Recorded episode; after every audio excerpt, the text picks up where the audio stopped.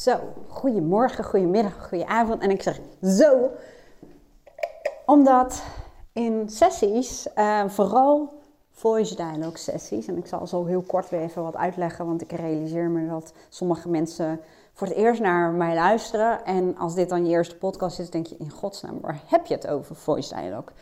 Um, nou, even, laat ik daar dan maar even mee starten, want dan begrijp je de rest waarschijnlijk ook wat beter. Voice Dialogue is een methodiek wat uit de transformatiepsychologie komt. En dat kan ik volledig beamen dat het ook echt voor transformaties zorgt. Um, en deze methodiek gaat ervan uit dat je, jij en ik, iedereen, een persoonlijkheid hebt dat bestaat uit allerlei verschillende kanten. Of delen, of ikken, of sub persoonlijkheden. Is maar net wat uh, voor naam je eraan wil geven. Ik verkies altijd het woord kanten. En heel soms gebruik ik het woord delen. Ik een, um, voelt voor mij wat minder uh, goed, als je een soort persoonlijkheidsstoornis hebt of zo. Maar er is wel een boek, Ik en mijn ikken, dus zetten we wel even je onderlinkje. En, en die gaat wel uit van die ikken. Dus het is ook even belangrijk om te kijken hoe voelt dat voor jou? Nou, en dan gebruik ik meteen even de metafoor die uh, de auteurs in het boek Ik en mijn Ik gebruiken. Is prachtig, vind ik, en die gebruik ik ook heel vaak. En dat is namelijk, stel je maar eens voor dat iedereen een soort van levensbus heeft. Zo'n zo grote stadsbus waar heel veel mensen in kunnen. En in jouw levensbus zit jij aan het stuur van je bus als chauffeur. En in Voice noemen we dat het bewuste ego, maar daar ga ik even niet te diep op in. Stel je voor dat in jouw levensbus zitten meestal vooraan je dominante, ook wel primaire kanten. Ik zeg meestal omdat de samenstelling of de positie van de kanten in de bus um, ook wel contextafhankelijk zijn. Zo kunnen bepaalde delen tijdens je vakantie veel meer naar voren komen. En tijdens het dagelijks leven, zullen we maar zeggen, kan, kan het zijn dat je levensgenieten en dergelijke weer achterin moet zitten. Ik noem maar even wat. Um, je hebt dus dominante kanten, dus zijn met name de kanten die voor in je bus zitten en, en die heel vaak namens jou denken, handelen en zelfs ook voelen. Ze noemen dat ook vaak het handelend ego. Laat al die termen maar gewoon lekker voor wat het is. Ik noem het wel. Als je verder wil gaan onderzoeken, dan heb je een beetje de terminologie. Um, en achter in de bus zitten vaak je verstoten of onderdrukte kanten. Dat zijn kanten van jezelf die je wel hebt. En die je ongetwijfeld regelmatig, of nou niet regelmatig, maar af en toe wel in zult zetten. Maar die vaak wat achterin zitten. Nogmaals, het is wel contextafhankelijk. Heel vaak, maar niet altijd, zijn dat tegenpolen van dominante kanten. Daar kom ik zo meteen wel even op terug met een uh, voorbeeld. En waarom zijn al die kanten er? Nou, ze zijn er in essentie om je, dat noemen ze, ja, je kwetsbaarheid te beschermen. Dus het zijn beschermingsmechanismen. Ze hebben een functie en ze zijn um, ja, als het ware opgebouwd in je jeugd en ook nog wel in je latere leven, want het is niet statisch, er is wel zeker verandering mogelijk. Um, ik kan even een voorbeeld noemen wat ik um, veel gebruik, omdat ik die, uh, hij is nogal extreem, maar het maakt wel veel duidelijk. Stel dat er een gezin is waar twee jonge meisjes opgroeien, waarbij de ouders allebei alcoholverslaafd zijn. Wat je dan vaak ziet bij bijvoorbeeld de oudste dochter, vanuit een overlevingsmechanisme, gaat die oudste dochter um, ja, dingen regelen. Die gaat met de pinpas van mama en papa naar de supermarkt. En die zorgt ervoor dat het jongste zusje haar uh, tanden poetst en dat ze op tijd op school is. Die, die neemt eigenlijk de ouderrol over. En dat is een overlevingsinstinct. En um, de feedback die terugkomt, als het ware, is dat nou ja, um, de boel enigszins draait. Dus daarom zal dat kind vaak meer van dat deel van zichzelf laten zien. Dus die gaat steeds meer coördineren en regelen en steeds meer zorgen en verantwoordelijkheid tonen. Daardoor worden delen van haar, die heel belangrijk eigenlijk zijn, die worden verstoten, die krijgen niet de ruimte. Daar is ook vaak dan geen ruimte voor. Het zorgeloze kind, het speelse kind, onbevangenheid. Um, Nou ja, dat soort uh, delen, levensgenieter. Het kind krijgt vaak ook al wat zorgen. En wat je vaak ziet, is dat dan de jongste, die um, wordt wat uit de wind gehouden door die oudste dochter. En um, daar kan iets anders gebeuren. In dit verhaal merk je bijvoorbeeld dat het kleine meisje, die vindt het heel vervelend als papa en mama maar ruzie hebben en huilen. En nou ja, het is allemaal niet zo erg leuk thuis. En dat kleine meisje heeft gemerkt dat als zij grapjes gaat maken en dansjes gaat doen en een beetje de clown uit gaat hangen, dat het allemaal een stuk gezelliger wordt. En dat papa en mama moeten lachen. En die gaat dus meer van dat inzetten. Het nadeel daarvan is, het heeft natuurlijk ook allerlei voordelen, het levert haar wat op. Maar het nadeel daarvan is wel vaak dat um, verdriet of wat dan ook mag er niet zijn. Het wordt gebagatelliseerd, het wordt weggelachen. En als we dan even um, een tijdreisje maken, we gaan naar het volwassen leven van deze vrouwen, zie je bijvoorbeeld dat die oudste bijvoorbeeld op haar werk in een rol terecht is gekomen waarin ze heel erg aan het coördineren is en de boel aan het regelen is. En ze wordt altijd gevraagd als ceremoniemeester voor huwelijken, want zij regelt het allemaal wel. En, ja, verantwoordelijk en is mensen aan het redden, noem het allemaal op. En dan merk je dat dat patroon hè, van die verschillende kanten in het volwassen leven nog steeds aanwezig is. Terwijl ze is volwassen en ze kan inmiddels voor zichzelf zorgen. Maar het is, ja, het is, het is haar persoonlijkheid geworden, als het ware. En ze merkte ook gewoon dat um, ja, ze wil helemaal niet alles voor iedereen regelen. Ze komt daar ook gewoon niet uit. Want als ze het uit handen geeft, dan gaat het mis. Eh, dan gaat het mis dus kan ze het beter zelf doen. En ja, ze vindt het ook moeilijk. Ze kan ook bijna niet tot rust komen. En ze heeft altijd onrust in haar hoofd. En er is altijd iets wat geregeld moet worden. En ze is echt de koningin van de to-do-lijstjes. En die jongste, die inmiddels ook een volwassen vrouw is geworden, die merkt dat ze gewoon niet goed bij haar gevoel kan.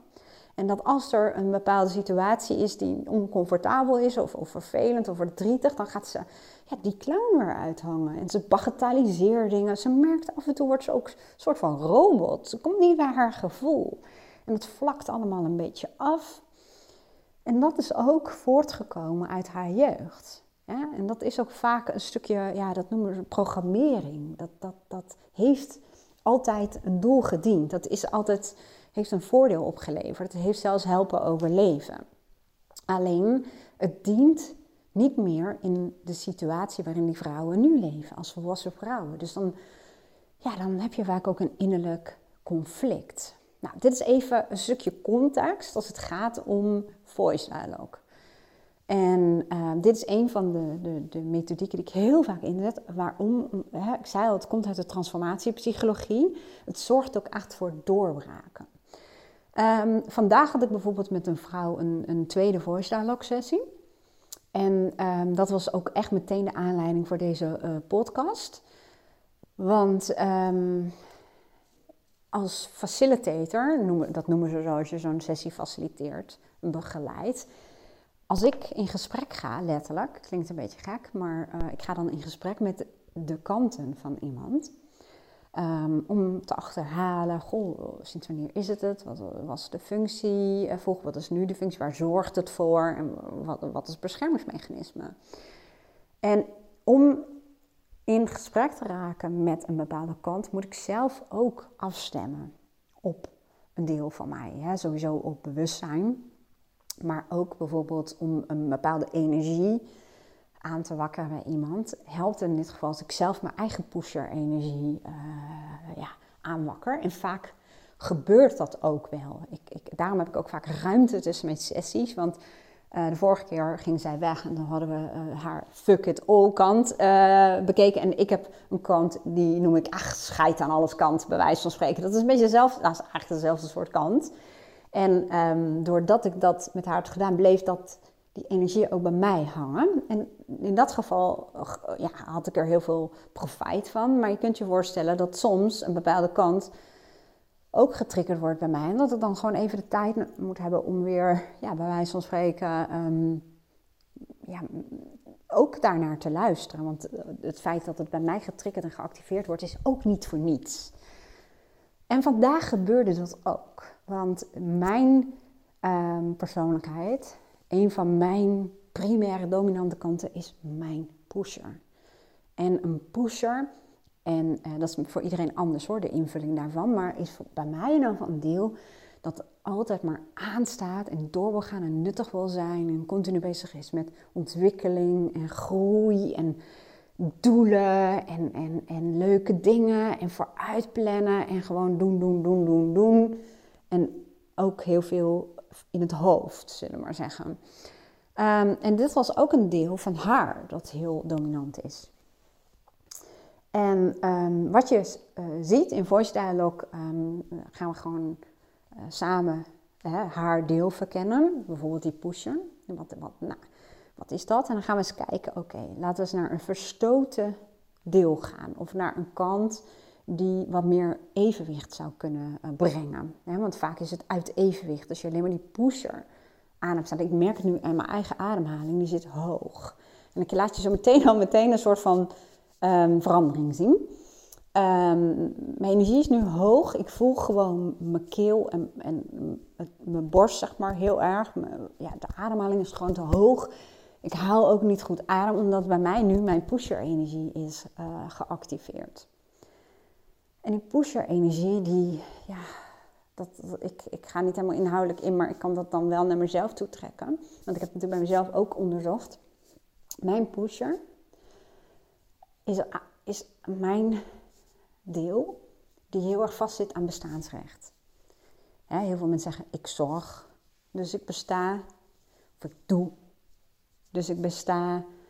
Um, dit deel van mij is ergens opgestaan in de jeugd. En die heeft ervoor gezorgd dat ik um, nou ja, zo veel als mogelijk uit mijn leven haal, uit mezelf haal, mezelf ontwikkel, voor succes zorg, onafhankelijkheid, um, aanzien. Het zorgt er ook voor dat je een plek hebt in deze maatschappij, dat je van toegevoegde waarde bent, dat, dat je je goed voelt over jezelf. En bij mij werd de kraak gezet toen eruit kwam dat ik zonder deze kant zou ik me waardeloos voelen. Zo nutteloos. Gewoon niet. En ja, dat wil ik niet. dus daar zorgt die pusher voor. Alleen, die heeft ook een angst. En dat noemen ze in de voice ook kwetsbaarheid.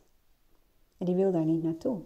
En die zet alles op alles om te voorkomen dat ik nutteloos ben, waardeloos. Klinkt heftig, hè? Maar geloof me, ik heb al zoveel voice dialogue sessies gefaciliteerd. En dit is er al zo vaak uitgekomen. En niet alleen maar uit de push hoor. En ik merkte in een sessie, en we hebben het daar dan ook over, want ja, dat geeft iemand ook in zich hoe dat werkt, dat um, mijn eigen pusher, die, um, ja, moet ik dan nou zeggen, die, uh, ja, die werd dus ook geactiveerd. En ik voelde op het moment dat we naar haar angst gingen, werd er bij mij ook iets aan getikt. En dat voel ik dan op dat moment in mijn hele lichaam en, en ook op specifieke delen. En ik heb geleerd om um, nou ja, zodanig te kunnen afstemmen, om weer op haar eigen pusher-energie af te kunnen stemmen. Maar om te weten dat dat iets is waar ik zelf ook wat mee mag doen. Dat het, ja, dat wordt niet voor niks getriggerd. Um, maar misschien herken je het wel. Hè? Het, het, het, altijd maar bezig zijn, het in je hoofd bezig zijn, uh, vol gas. En ik, ik, ik uh, illustreerde het in de sessie met, een, met zo'n metafoor van je zit in de auto vol gas en uh, eigenlijk zie je onderweg helemaal niks. Je bent onderweg naar een bestemming waarbij jij het idee hebt dat als je op die bestemming aangekomen bent, nou, dan is het genieten hoor. Dan gaan we genieten. En dat lijkt leuk. Maar de pest is, ja, pusher, die is eigenlijk helemaal niet zo heel geïnteresseerd in de bestemming en daarvan genieten. Maar die is geïnteresseerd om dan meteen weer nieuwe stip op de horizon te zetten. Zo, nou, pam, gaan we door. Waardoor je dus eigenlijk altijd aan het streven bent naar genieten. En zoals deze klant het heel mooi zei, wat ik zelf ook heel vaak zeg. Um, als ik te veel in die pusher-energie zit, dan uh, heb ik bijvoorbeeld een leuke familiebijeenkomst gehad of iets, een heel mooi moment. En dan kijk ik de foto's terug. En dan realiseer ik me dan dat ik er niet was. Ik sta wel op die foto's. Deze voel ik ook echt hoor. Maar ik was daar niet. ik, ehm, en dat heeft vaak ook te maken met andere beschermingsmechanismen. Hè. Soms dan ehm, is het ook een controledeel van mij wat niet helemaal opgaat in dat moment. Zo van, je kunt het dus ook weer kwijtraken. Dat is ook een bescherming van de kwetsbaarheid. Hè. Ja, nou ja, daar ga ik dan ook maar niet heel erg op in, maar kun je vast wel iets voorstellen. Nu merk ik ook mijn eigen innerlijke controleur die mij een beetje probeert daarvan weg te houden. Want dat is ook vaak een, een kant, en niet bij iedereen, maar bij veel mensen met een pusher.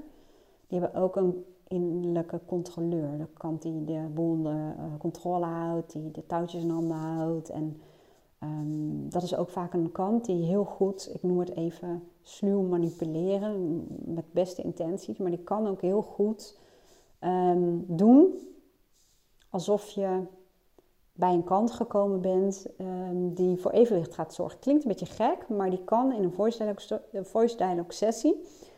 Um, ik zie het vaak gebeuren. Ik denk, hé, hey, wacht even. We zitten nu wel in iemands kant die onbezorgd en zorgeloos is, of levensgeniet of rust en kalmte. Maar ho, wacht eens even. Dit is eigenlijk een vermomde controleur die de boel aan het overnemen is. En dat zie je ook vaak wel, en dat hoor ik ook wel vaak bij um, mensen die bijvoorbeeld bij een psycholoog zijn, dat ze zeggen: Ik um, merk dat ik wel, um, dat het lijkt alsof we ergens komen, maar dat een deel van mij, hè, laat zeggen dat dan, eigenlijk het overneemt en me weghoudt bij datgene waar het bijvoorbeeld echt om gaat.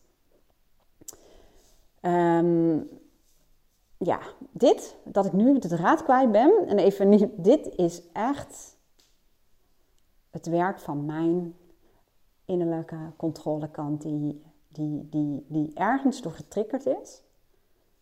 En die niet wil dat ik daarheen ga. Zeker niet als mensen dit ook nog eens een keertje kunnen horen. Dus ik ben nu eigenlijk verward. En dat is zoals het werkt met die innerlijke delen. En dat gebeurde bij deze vrouw ook. Um, dat ik stelde een, een, een vraag en bam, echt bam, meteen werd die pusher en de controleur werden getriggerd. En het is ook echt in iemands gezicht en houding te zien. Je, ik zie zo vaak dat in één keer iemands hoofd knalrood wordt. en vaak wijzen mensen ook naar hun nek knalrood. Dat, ik zie gewoon gelaatswisselingen per kant. Klinkt raar, je moet er bijna ervaring hebben of, hè, om, om, om dit uh, te kunnen snappen. Maar het is ook wel weer heel mooi, heel briljant. Hoe dit werkt. En je ziet nu al, hè, kijk, ik, ik faciliteer dit soort sessies heel veel. Maar je ziet nu al dat het lastig is voor mij om um, uh, mezelf uit een bepaalde energie te krijgen. Ik ben me nu heel erg bewust van, oh ja, ik ging ergens heen. En die controlekant die kwam aanzetten.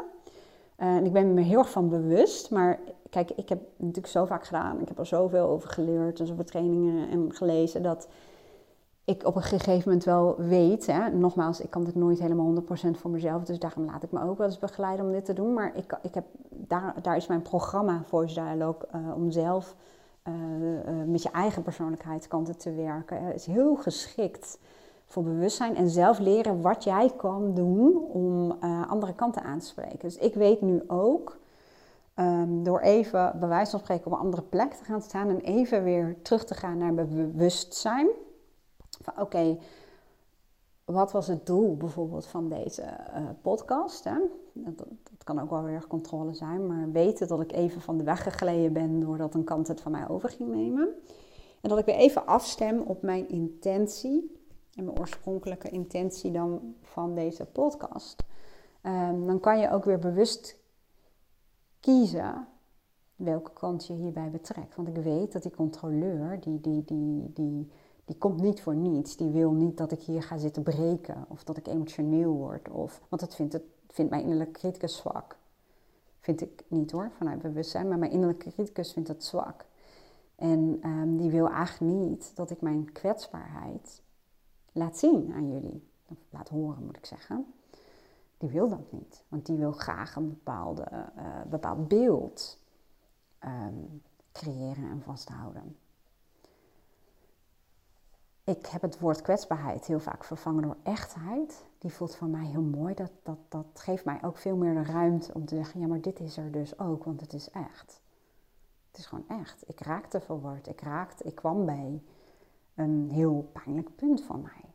Ik kwam bij een thema van mij. En het thema van mij is dat ik aan de ene kant heel graag uh, ten diepste en met volle teugen van het leven wil genieten.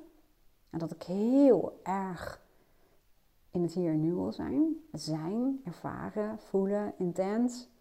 Um, en dat wordt vaak ook opgewekt door bijvoorbeeld muziek, door de natuur, door um, diepgang in gesprekken, verbondenheid. Dus ik ervaar dat heel regelmatig. Um, vaak wel conditioneel, hè, dat er iets voor nodig is om dat bij mij op te wekken. En dat geeft ook helemaal niet als je dat weet. Maar ik voel dat ik vaker um, ja, misschien toch wat losser zou willen zijn. Wat minder serieus, wat minder verantwoordelijk, minder doelgericht. En ik weet ook, breintechnisch gezien helpt dit geen ruk om dit te beschrijven. Minder losser, minder verantwoordelijk. Het gaat erom dat je een beeld creëert. Oké, maar hoe ziet dan een goed en gezond evenwicht eruit tussen wat ik net zei aan de ene kant genieten en opgaan in het moment. Zoals gisteren uh, had ik uh, een kruiwagen gepakt en dan ga ik hout um, van een ene plek weghalen en een houthok indelen. Nou, Aaron kan alles overnieuw doen, maar goed, daar, maken, daar gaat het niet om. Um, maar ik ging heel aandachtig met mijn blote handen, zeg maar, um, de, het hout pakken en ja, daar met mijn volle aandacht mee bezig zijn. En het voelde heel goed. En dan denk je, waar heb je het over? Dit gaat over hout. Maar het gaat juist dat soort momentjes. Die hond die huppelde om me heen en, ehm, en ik voelde de kou op mijn wangen. En het, ja, ik vind dat soort momentjes, of mijn koffie meenemen naar het houthok, ik vind dat een heel mooi, mooi plekje op de een of andere manier. Om daar te zijn en die vogeltjes te horen, dat is geluk. Hè? Voor mij is ook geluk om met mijn gezin, mijn familie spelletjes te spelen. Dat is gewoon geluk, dat we er allemaal zijn. En ik merk ook dat bijvoorbeeld als wij in de tuin aan het golven zijn of slagballen of met beweging, dan kan ik daar makkelijker in opgaan. laat mij bewegen samen met andere mensen en dan, dan, dan ben ik er veel meer. Maar als we ehm, bijvoorbeeld een makkelijk spelletje spelen, dan, kan, dan gaan mijn gedachten alle kanten op en dan ben ik er dus eigenlijk ook niet. En als we bijvoorbeeld een moeilijk spelletje spelen, dan komt er een kant die wil winnen en dan ben ik er eigenlijk ook niet. Dus dit is, dit is eigenlijk de aanleiding van deze podcast was ook om je te vertellen dat, dat ehm, een dominante primaire kant heet niet voor niets een dominante kant. Dat zijn vaak zulke zwaar gewichten in ons leven. Die nemen zo de boel over. En dat is niet altijd zomaar 1, 2, 3 um, dat je daar een perfecte balans in kunt vinden. Want wat deze vrouw ook zei, wat ik zelf ook heb ervaren, um, zij zei: Ik ben dit gewoon. En dat, ik heb, zei dat ook: Ik ben, dit is gewoon wie ik ben. Ik ben zo. Ik ben huppel de pup. En ik ben al helemaal druk in mijn hoofd en bla bla bla. Maar door dat te zeggen, identificeer je jezelf met een dominant deel waardoor je brein een seintje krijgt, ik ben. Dus als je iets bent, is er geen verandering mogelijk. En gaat je brein ook 0% energie steken om daar iets in te veranderen. En door alleen al voor jezelf het bewustzijn te hebben, ik ben niet dit deel, dit is een deel van mij. Wat ergens is opgestaan en heel hard voor mij is gaan werken dankjewel kant daarvoor. Hè, want dat brengt je ook vaak heel veel. Dat is een deel van mij. En ik merk dat ik dat deel van mij toegang geef tot mijn stuur in die bus. En als het aan je stuur zit, ja, dan voelt het alsof het jou is. En dan kom je bijna niet meer uit je hoofd, dan kom je bijna niet meer uit de energie. En al zou je dan een wandeling gaan maken, dan gaat je hoofd, dan gaat die pusher, die gaat op dat moment tijdens het lopen bezig met innerlijke dialogen, wat je allemaal nog zou kunnen doen. Of die maakt er een sportwedstrijdje van. En net als gisteren gebeurde dat ook. Hè? Want dat moment dat ik vertelde dat ik um, met de kruiwagen aan het sjouwen was, dan voelde ik me ook in mijn element. En daar gebeurde het weer. Toen nam als het ware een deel voorbij het over, mijn pusher. En die dacht, hé, hey, ik kan hier even een podcast over gaan maken. Wat ik natuurlijk nu ook aan het doen ben. En die kan het zodanig vermommen. Die wil daar ook, die wil continu ergens iets nuttigs uithalen. Die wil, die wil, ja, die wil presteren, die wil vooruit, die wil doelgericht, die wil niet lummelen. Dat vindt hij maar niks. Dat is, gevaarlijk zelfs. En um, die kan het als het ware zo brengen van, ja, maar van dat podcasten, dat is ook genieten. En dat, eh, dat draagt bij aan je waarden. En dat is ook zo. En daarom is het zo geloofwaardig. Alleen het verbrak wel het moment waarop ik, nu klink ik heel vaag, vind mijn criticus, maar één was met mezelf en de natuur. Ik was, ik was er. Ik was gewoon lekker. Het was, ja, het hout glibberde en dat soort. Klinkt gek, maar door, door dat te voelen en door met mijn handen dat hout en, en de kou op mijn gezicht en die hond erbij en de vogeltjes. Ja, dat was zo'n moment waarop ik er echt was. En ik zou niet zeggen stilstand, maar dat is wel vaak wat een pusher ziet als, ja, um, nutteloos. Want ik, als ik erop terugkijk, denk ik, oh ja, het ging om het moment, hey, ik ga gewoon even wat uh, heen en weer lopen, even lekker uh, rust, even eruit, even wat doen met mijn handen. En in één keer veranderde dat naar hoeveel kruiwagens zal ik brengen? Het wel cool als ik dit allemaal weg kan krijgen. En als ik dan meteen in ga delen. En uh, nou, dat is leuk, komt aan thuis en dan ziet een heel groot deel opgeruimd is. En hoeveel kan ik er nog meer doen? Oh, ik kan meteen even kijken op mijn polarhorloge van, ja, hoe intensief is deze activiteit? Hè? En hoe gaat het zo meteen met mijn grafiekjes? Hoor je mijn stem al? Oké, en dan is dus die pusher, die heeft ook die activiteit die mij in het nu had gebracht, weer omgezet naar uh, doelgerichtheid. En ik moet zeggen dat ik het eigenlijk ook best wel verdrietig vind. En ik weet gewoon, begin met einde voor ogen, zei uh, Stephen Covey als je terugkijkt op je leven, hè, of, of bij momenten van spijt, omdat alles niet van zo vanzelfsprekend is als we dat soms denken, we krijgen niet spijt van ehm, wat we allemaal bereikt en gepresteerd hebben. Natuurlijk was het belangrijk voor je. En als dat um, iets uh, heel erg voor jou betekend heeft of voor de mensen om je heen. Maar ik kijk echt niet terug op hoeveel kruiwagens ik in één uur heen en weer kon brengen. Of, nou ja, je snapt wat ik bedoel, hè? En ja, en ik voel gewoon, en dat is met de klanten, zijn we daar ook verder over doorgegaan.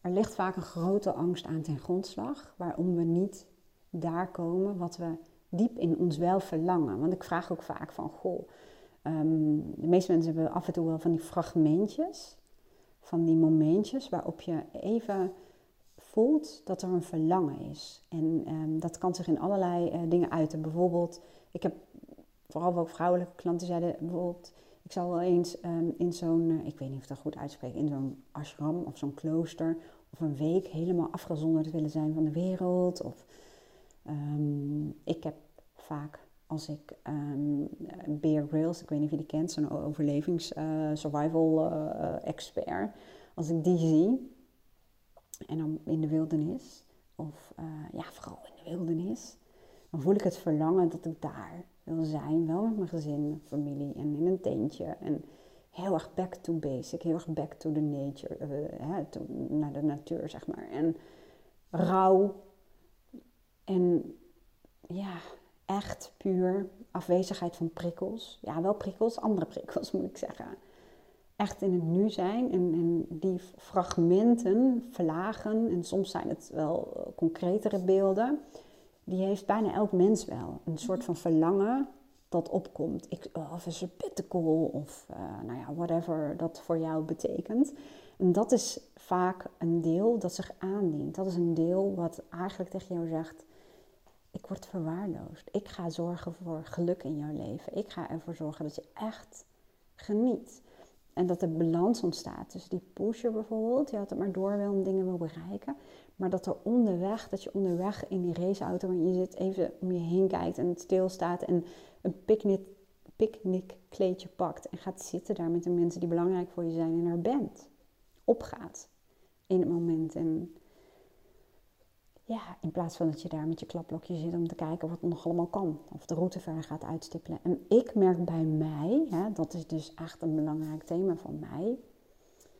Ehm, waarbij ik moet zeggen dat het me steeds beter lukt. Het is net alsof ik steeds meer ja, uh, dieper mijn thema um, um, ja. Ik weet niet hoe ik het precies moet zeggen. Maar ik kan het al zoveel beter dan dat ik het kon. Maar ik merk ook dat als die pusher zo dominant is, dat je er soms niet meer bij kan. Dat je soms niet meer bij het onbevangen, zorgeloze, in het hier en nu deel kunt. En ik kan je kort wel even wat praktische tips geven. Hoe ik dat doe? Muziek.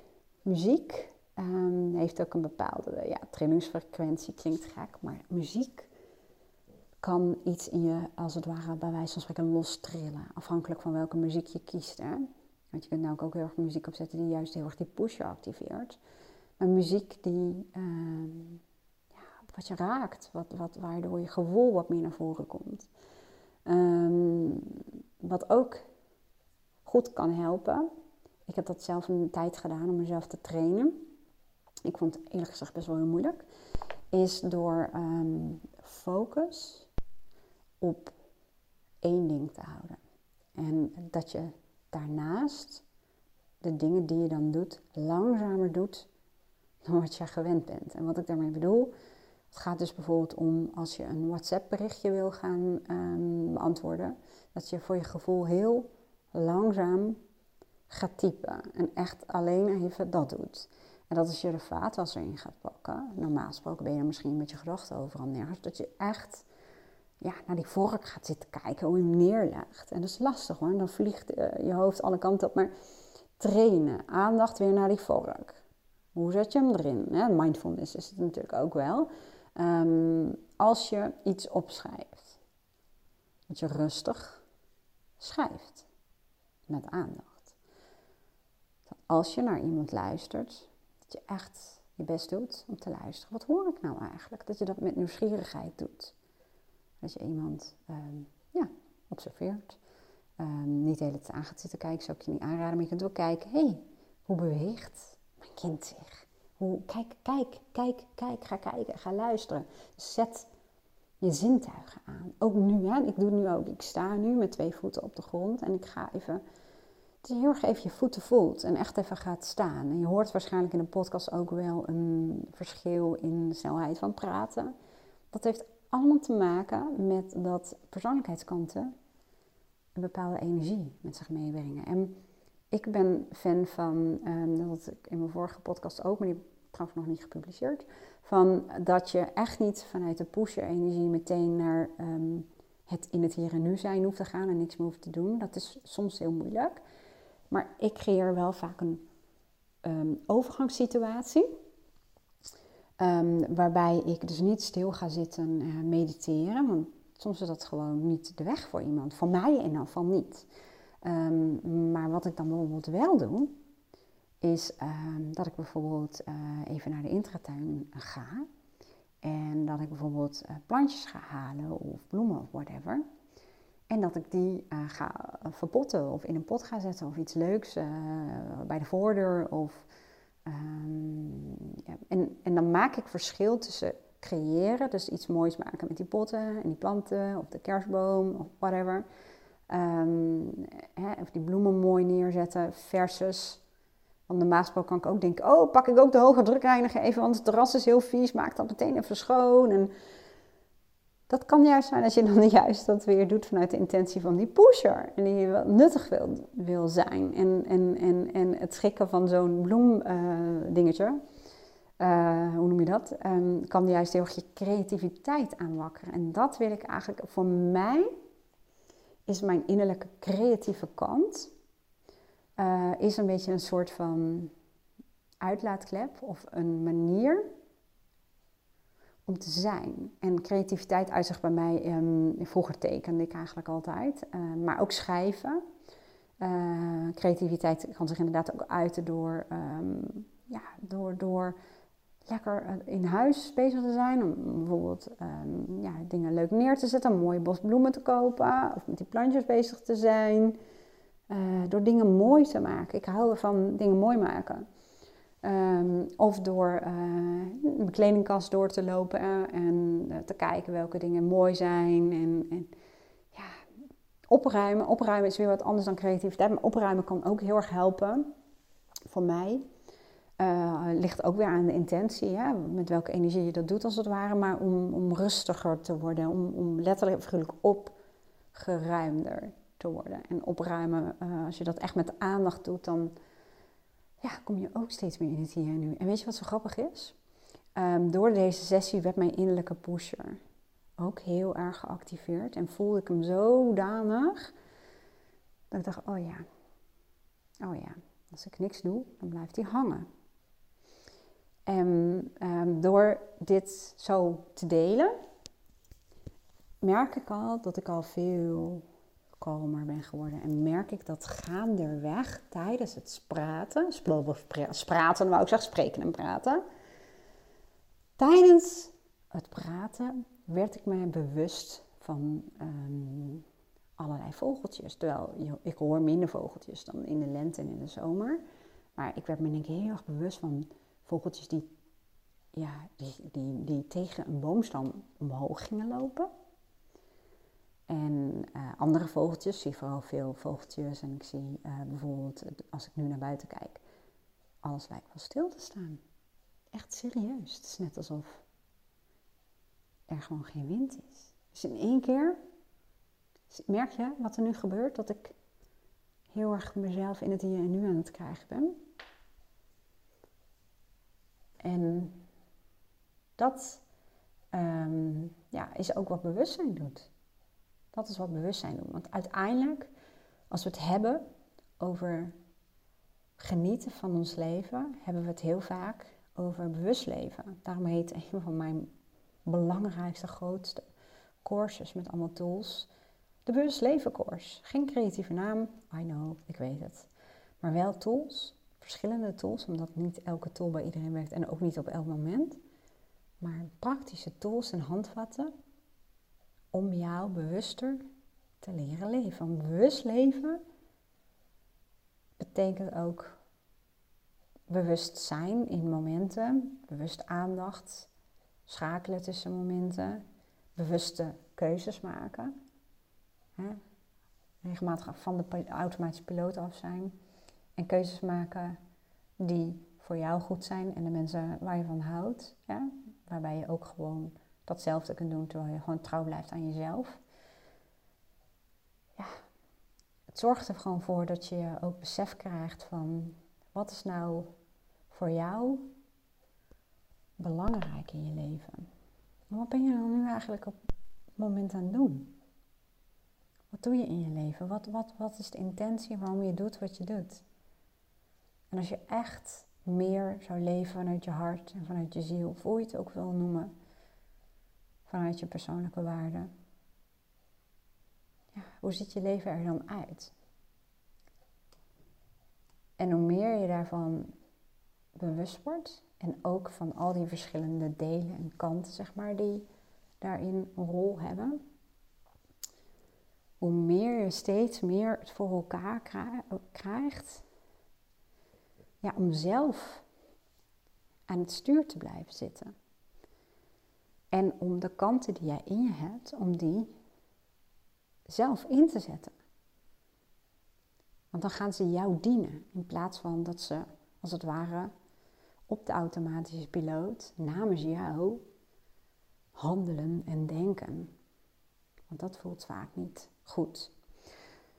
Nou, dit was best wel een diepgaande volgens mij. Ehm, en ik merk, ik ben meteen enorm veel rustiger. En ik ben meteen, ben ik me meer ehm, bewust van, oh ja, dit is even een moment. Ik ga rustig eten zo meteen lunchen. Om even opnieuw te kijken, hoe wil ik dat de rest van de dag eruit ziet? Wat is belangrijk voor me om uh, te doen of niet te doen? En dan zul je ook merken dat je einde van de dag ook veel meer voldoening ervaart. In plaats van dat je op die automatische piloot leeft. Of namens de pusher. Want de pusher vindt heel vaak iets verspilde tijd. Hè? Of ja, zonde van de tijd. Nou, ik hoop dat je iets aan had. Um, twee dingen. Ik heb, als jij zegt van, ik herken dit zo. Um, dan heb ik een nog niet voltooid idee in mijn hoofd. Dat kwam op na de sessie. En ik geloof sterk in dingen samen doen. Dus als jij ook zo'n sterke pusher in jou hebt en je zegt: Ik voel ook dat verlangen naar rust in mijn hoofd. En ehm, meer genieten en meer aandacht hebben voor mezelf en de mensen om me heen. En dat wat ik doe.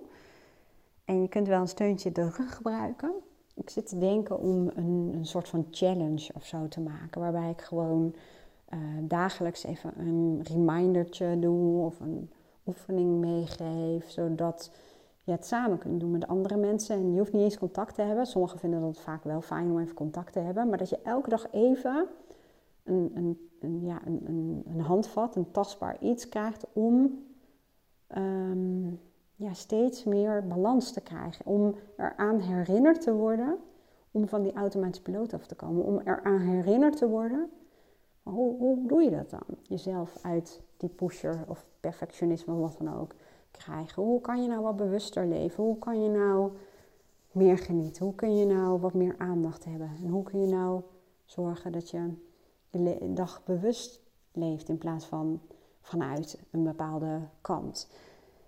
Hoe dat eruit ziet, zo'n challenge, um, dat weet ik nog even niet. Dat, dat ontstaat meestal in mijn hoofd. Um, maar als je zegt dat lijkt mij wat, dan let me know. Ik zal in elk geval zorgen, en zeker als het uh, een, een, grotere groep is van mensen. En nogmaals, je hoeft daar geen contact mee te hebben. En je hoeft ook niet um, met naam en toenaam daarin te zitten. Maar dan deel ik het bijvoorbeeld op één plek waar iedereen bij kan die meedoet. Um, ik ga daar ook echt niet de hoofdwijs voor vragen. Ik, ik, zorg ervoor dat het betaalbaar wordt of dat je voor eh, misschien een paar tientjes gewoon mee kunt doen. En dat je um, daarna ook alles houdt. Want zo'n challenge bouw ik meestal op dat ik um, alles wat ik deel overzichtelijk neerzet, zodat je het altijd kunt gebruiken. Maar dat ik elk moment, of, eh, of een paar keer in de week of elke dag moet maar even kijken, eventjes even bij je aantik. En eventjes je help om je ja, bewuster te laten leven. Als dat iets is waarvan je denkt, dat lijkt me wel wat van mij, want dan kan ik elke dag even bewuster van zijn. En dan heb ik wat hulp en een stok achter de deur. En als ik dat wil, hoeft niet, dan kan ik even met anderen meekijken. Ik noem maar even wat. Als je denkt, dat lijkt me wat, um, laat me dan even weten. Kan ik even inventariseren? Dan ga ik gewoon wat daarvoor bedenken. En de manier waarop je dat kan doen, is door mij even een appje te sturen. En zeg dan maar gewoon Um, ik heb interesse in de challenge of zo. En dan kan ik je daarna gewoon even de informatie delen. En dat mag ook via mail. Ik ga even niet reageren dan. Uh, nog niet meteen in elk geval, want dan inventariseer ik eerst eventjes. En dan laat ik je even weten um, wat mijn beeld is, hoe ik jullie, jou daarbij kan helpen. Ja, dat. En als je zegt, oké, weet je, daar wil ik niet wachten. Ik wil ook voice dialogue. Um, nou, dat kan. Je kunt natuurlijk een één op één uh, sessie boeken. Meestal moet je dan wel een paar weken wachten. Uh, wat helemaal geen probleem hoeft te zijn, want hiervoor wist je waarschijnlijk ook nog niks van voice dialogue. Maar als je zegt, ja, ik wil eigenlijk gewoon hier zelf mee aan de slag. Ik wil voor mezelf eens weten, hey, hoe ziet mijn persoonlijkheid eruit? En, en, en, en um, hoe kan ik zelf zorgen voor uh, doorbraken? Ik heb ja, alles wat ik doe met mijn klanten één op één sessies. Ehm, heb ik voor je uitgewerkt uh, online. Dus dan kun je het ook zelf doen. Gewoon stap voor stap. En je hoeft niet elke stap te doen, maar de dingen waarvan je denkt, hé, hey, hier kan ik wat mee. Ik leer je ook gewoon um, ja, wat ik zelf doe bij mijn klanten en wat ik bij mezelf doe. Hoe je kunt werken met je kant en hoe je bepaalde delen die je wat meer zou willen uh, ervaren. Misschien zelfvertrouwen of zelfverzekerdheid of levensgenieten of ja, wat meer voor jezelf opkomen of wat beter voor jezelf zorgen of wat rustiger zijn of wat meer ja, scheid hebben aan wat andere mensen van je denken, dat soort dingen. Dan kun je meteen gebruik maken van een uh, programma. En uh, die is uh, voor jou beschikbaar gewoon levenslang als je hem aankoopt. Ik zet het linkje wel eventjes hieronder. En um, ik heb het ook zo gemaakt dat het ook een leuke bezigheid is. Ik geloof daar namelijk in dat je het speelsgewijs kunt doen en dat praktisch is. Dat je er ook onmiddellijk wat mee kunt doen in je, in je leven. Dat je het ook kunt toepassen ja, op een moment dat je even een relatiecrisis hebt. Of even helemaal te druk bent in je hoofd. Of whatever wat. Of aan het pleasen bent. Dat je het ook meteen kunt gebruiken. Ik zet het linkje hieronder dus. Um, maar misschien had je ook al heel erg veel aan deze podcast. En als dat zo is, uh, let me know. Het zou super gaaf zijn als je een review achterlaat of reactie op iTunes. En um, nou ja, ik hoop je de volgende keer weer te horen in een podcast of in een online uh, programma bij mij. Of misschien wel in een sessie. Who knows. Dankjewel voor het luisteren. Een hele mooie dag en heel graag tot de volgende podcast. Doei!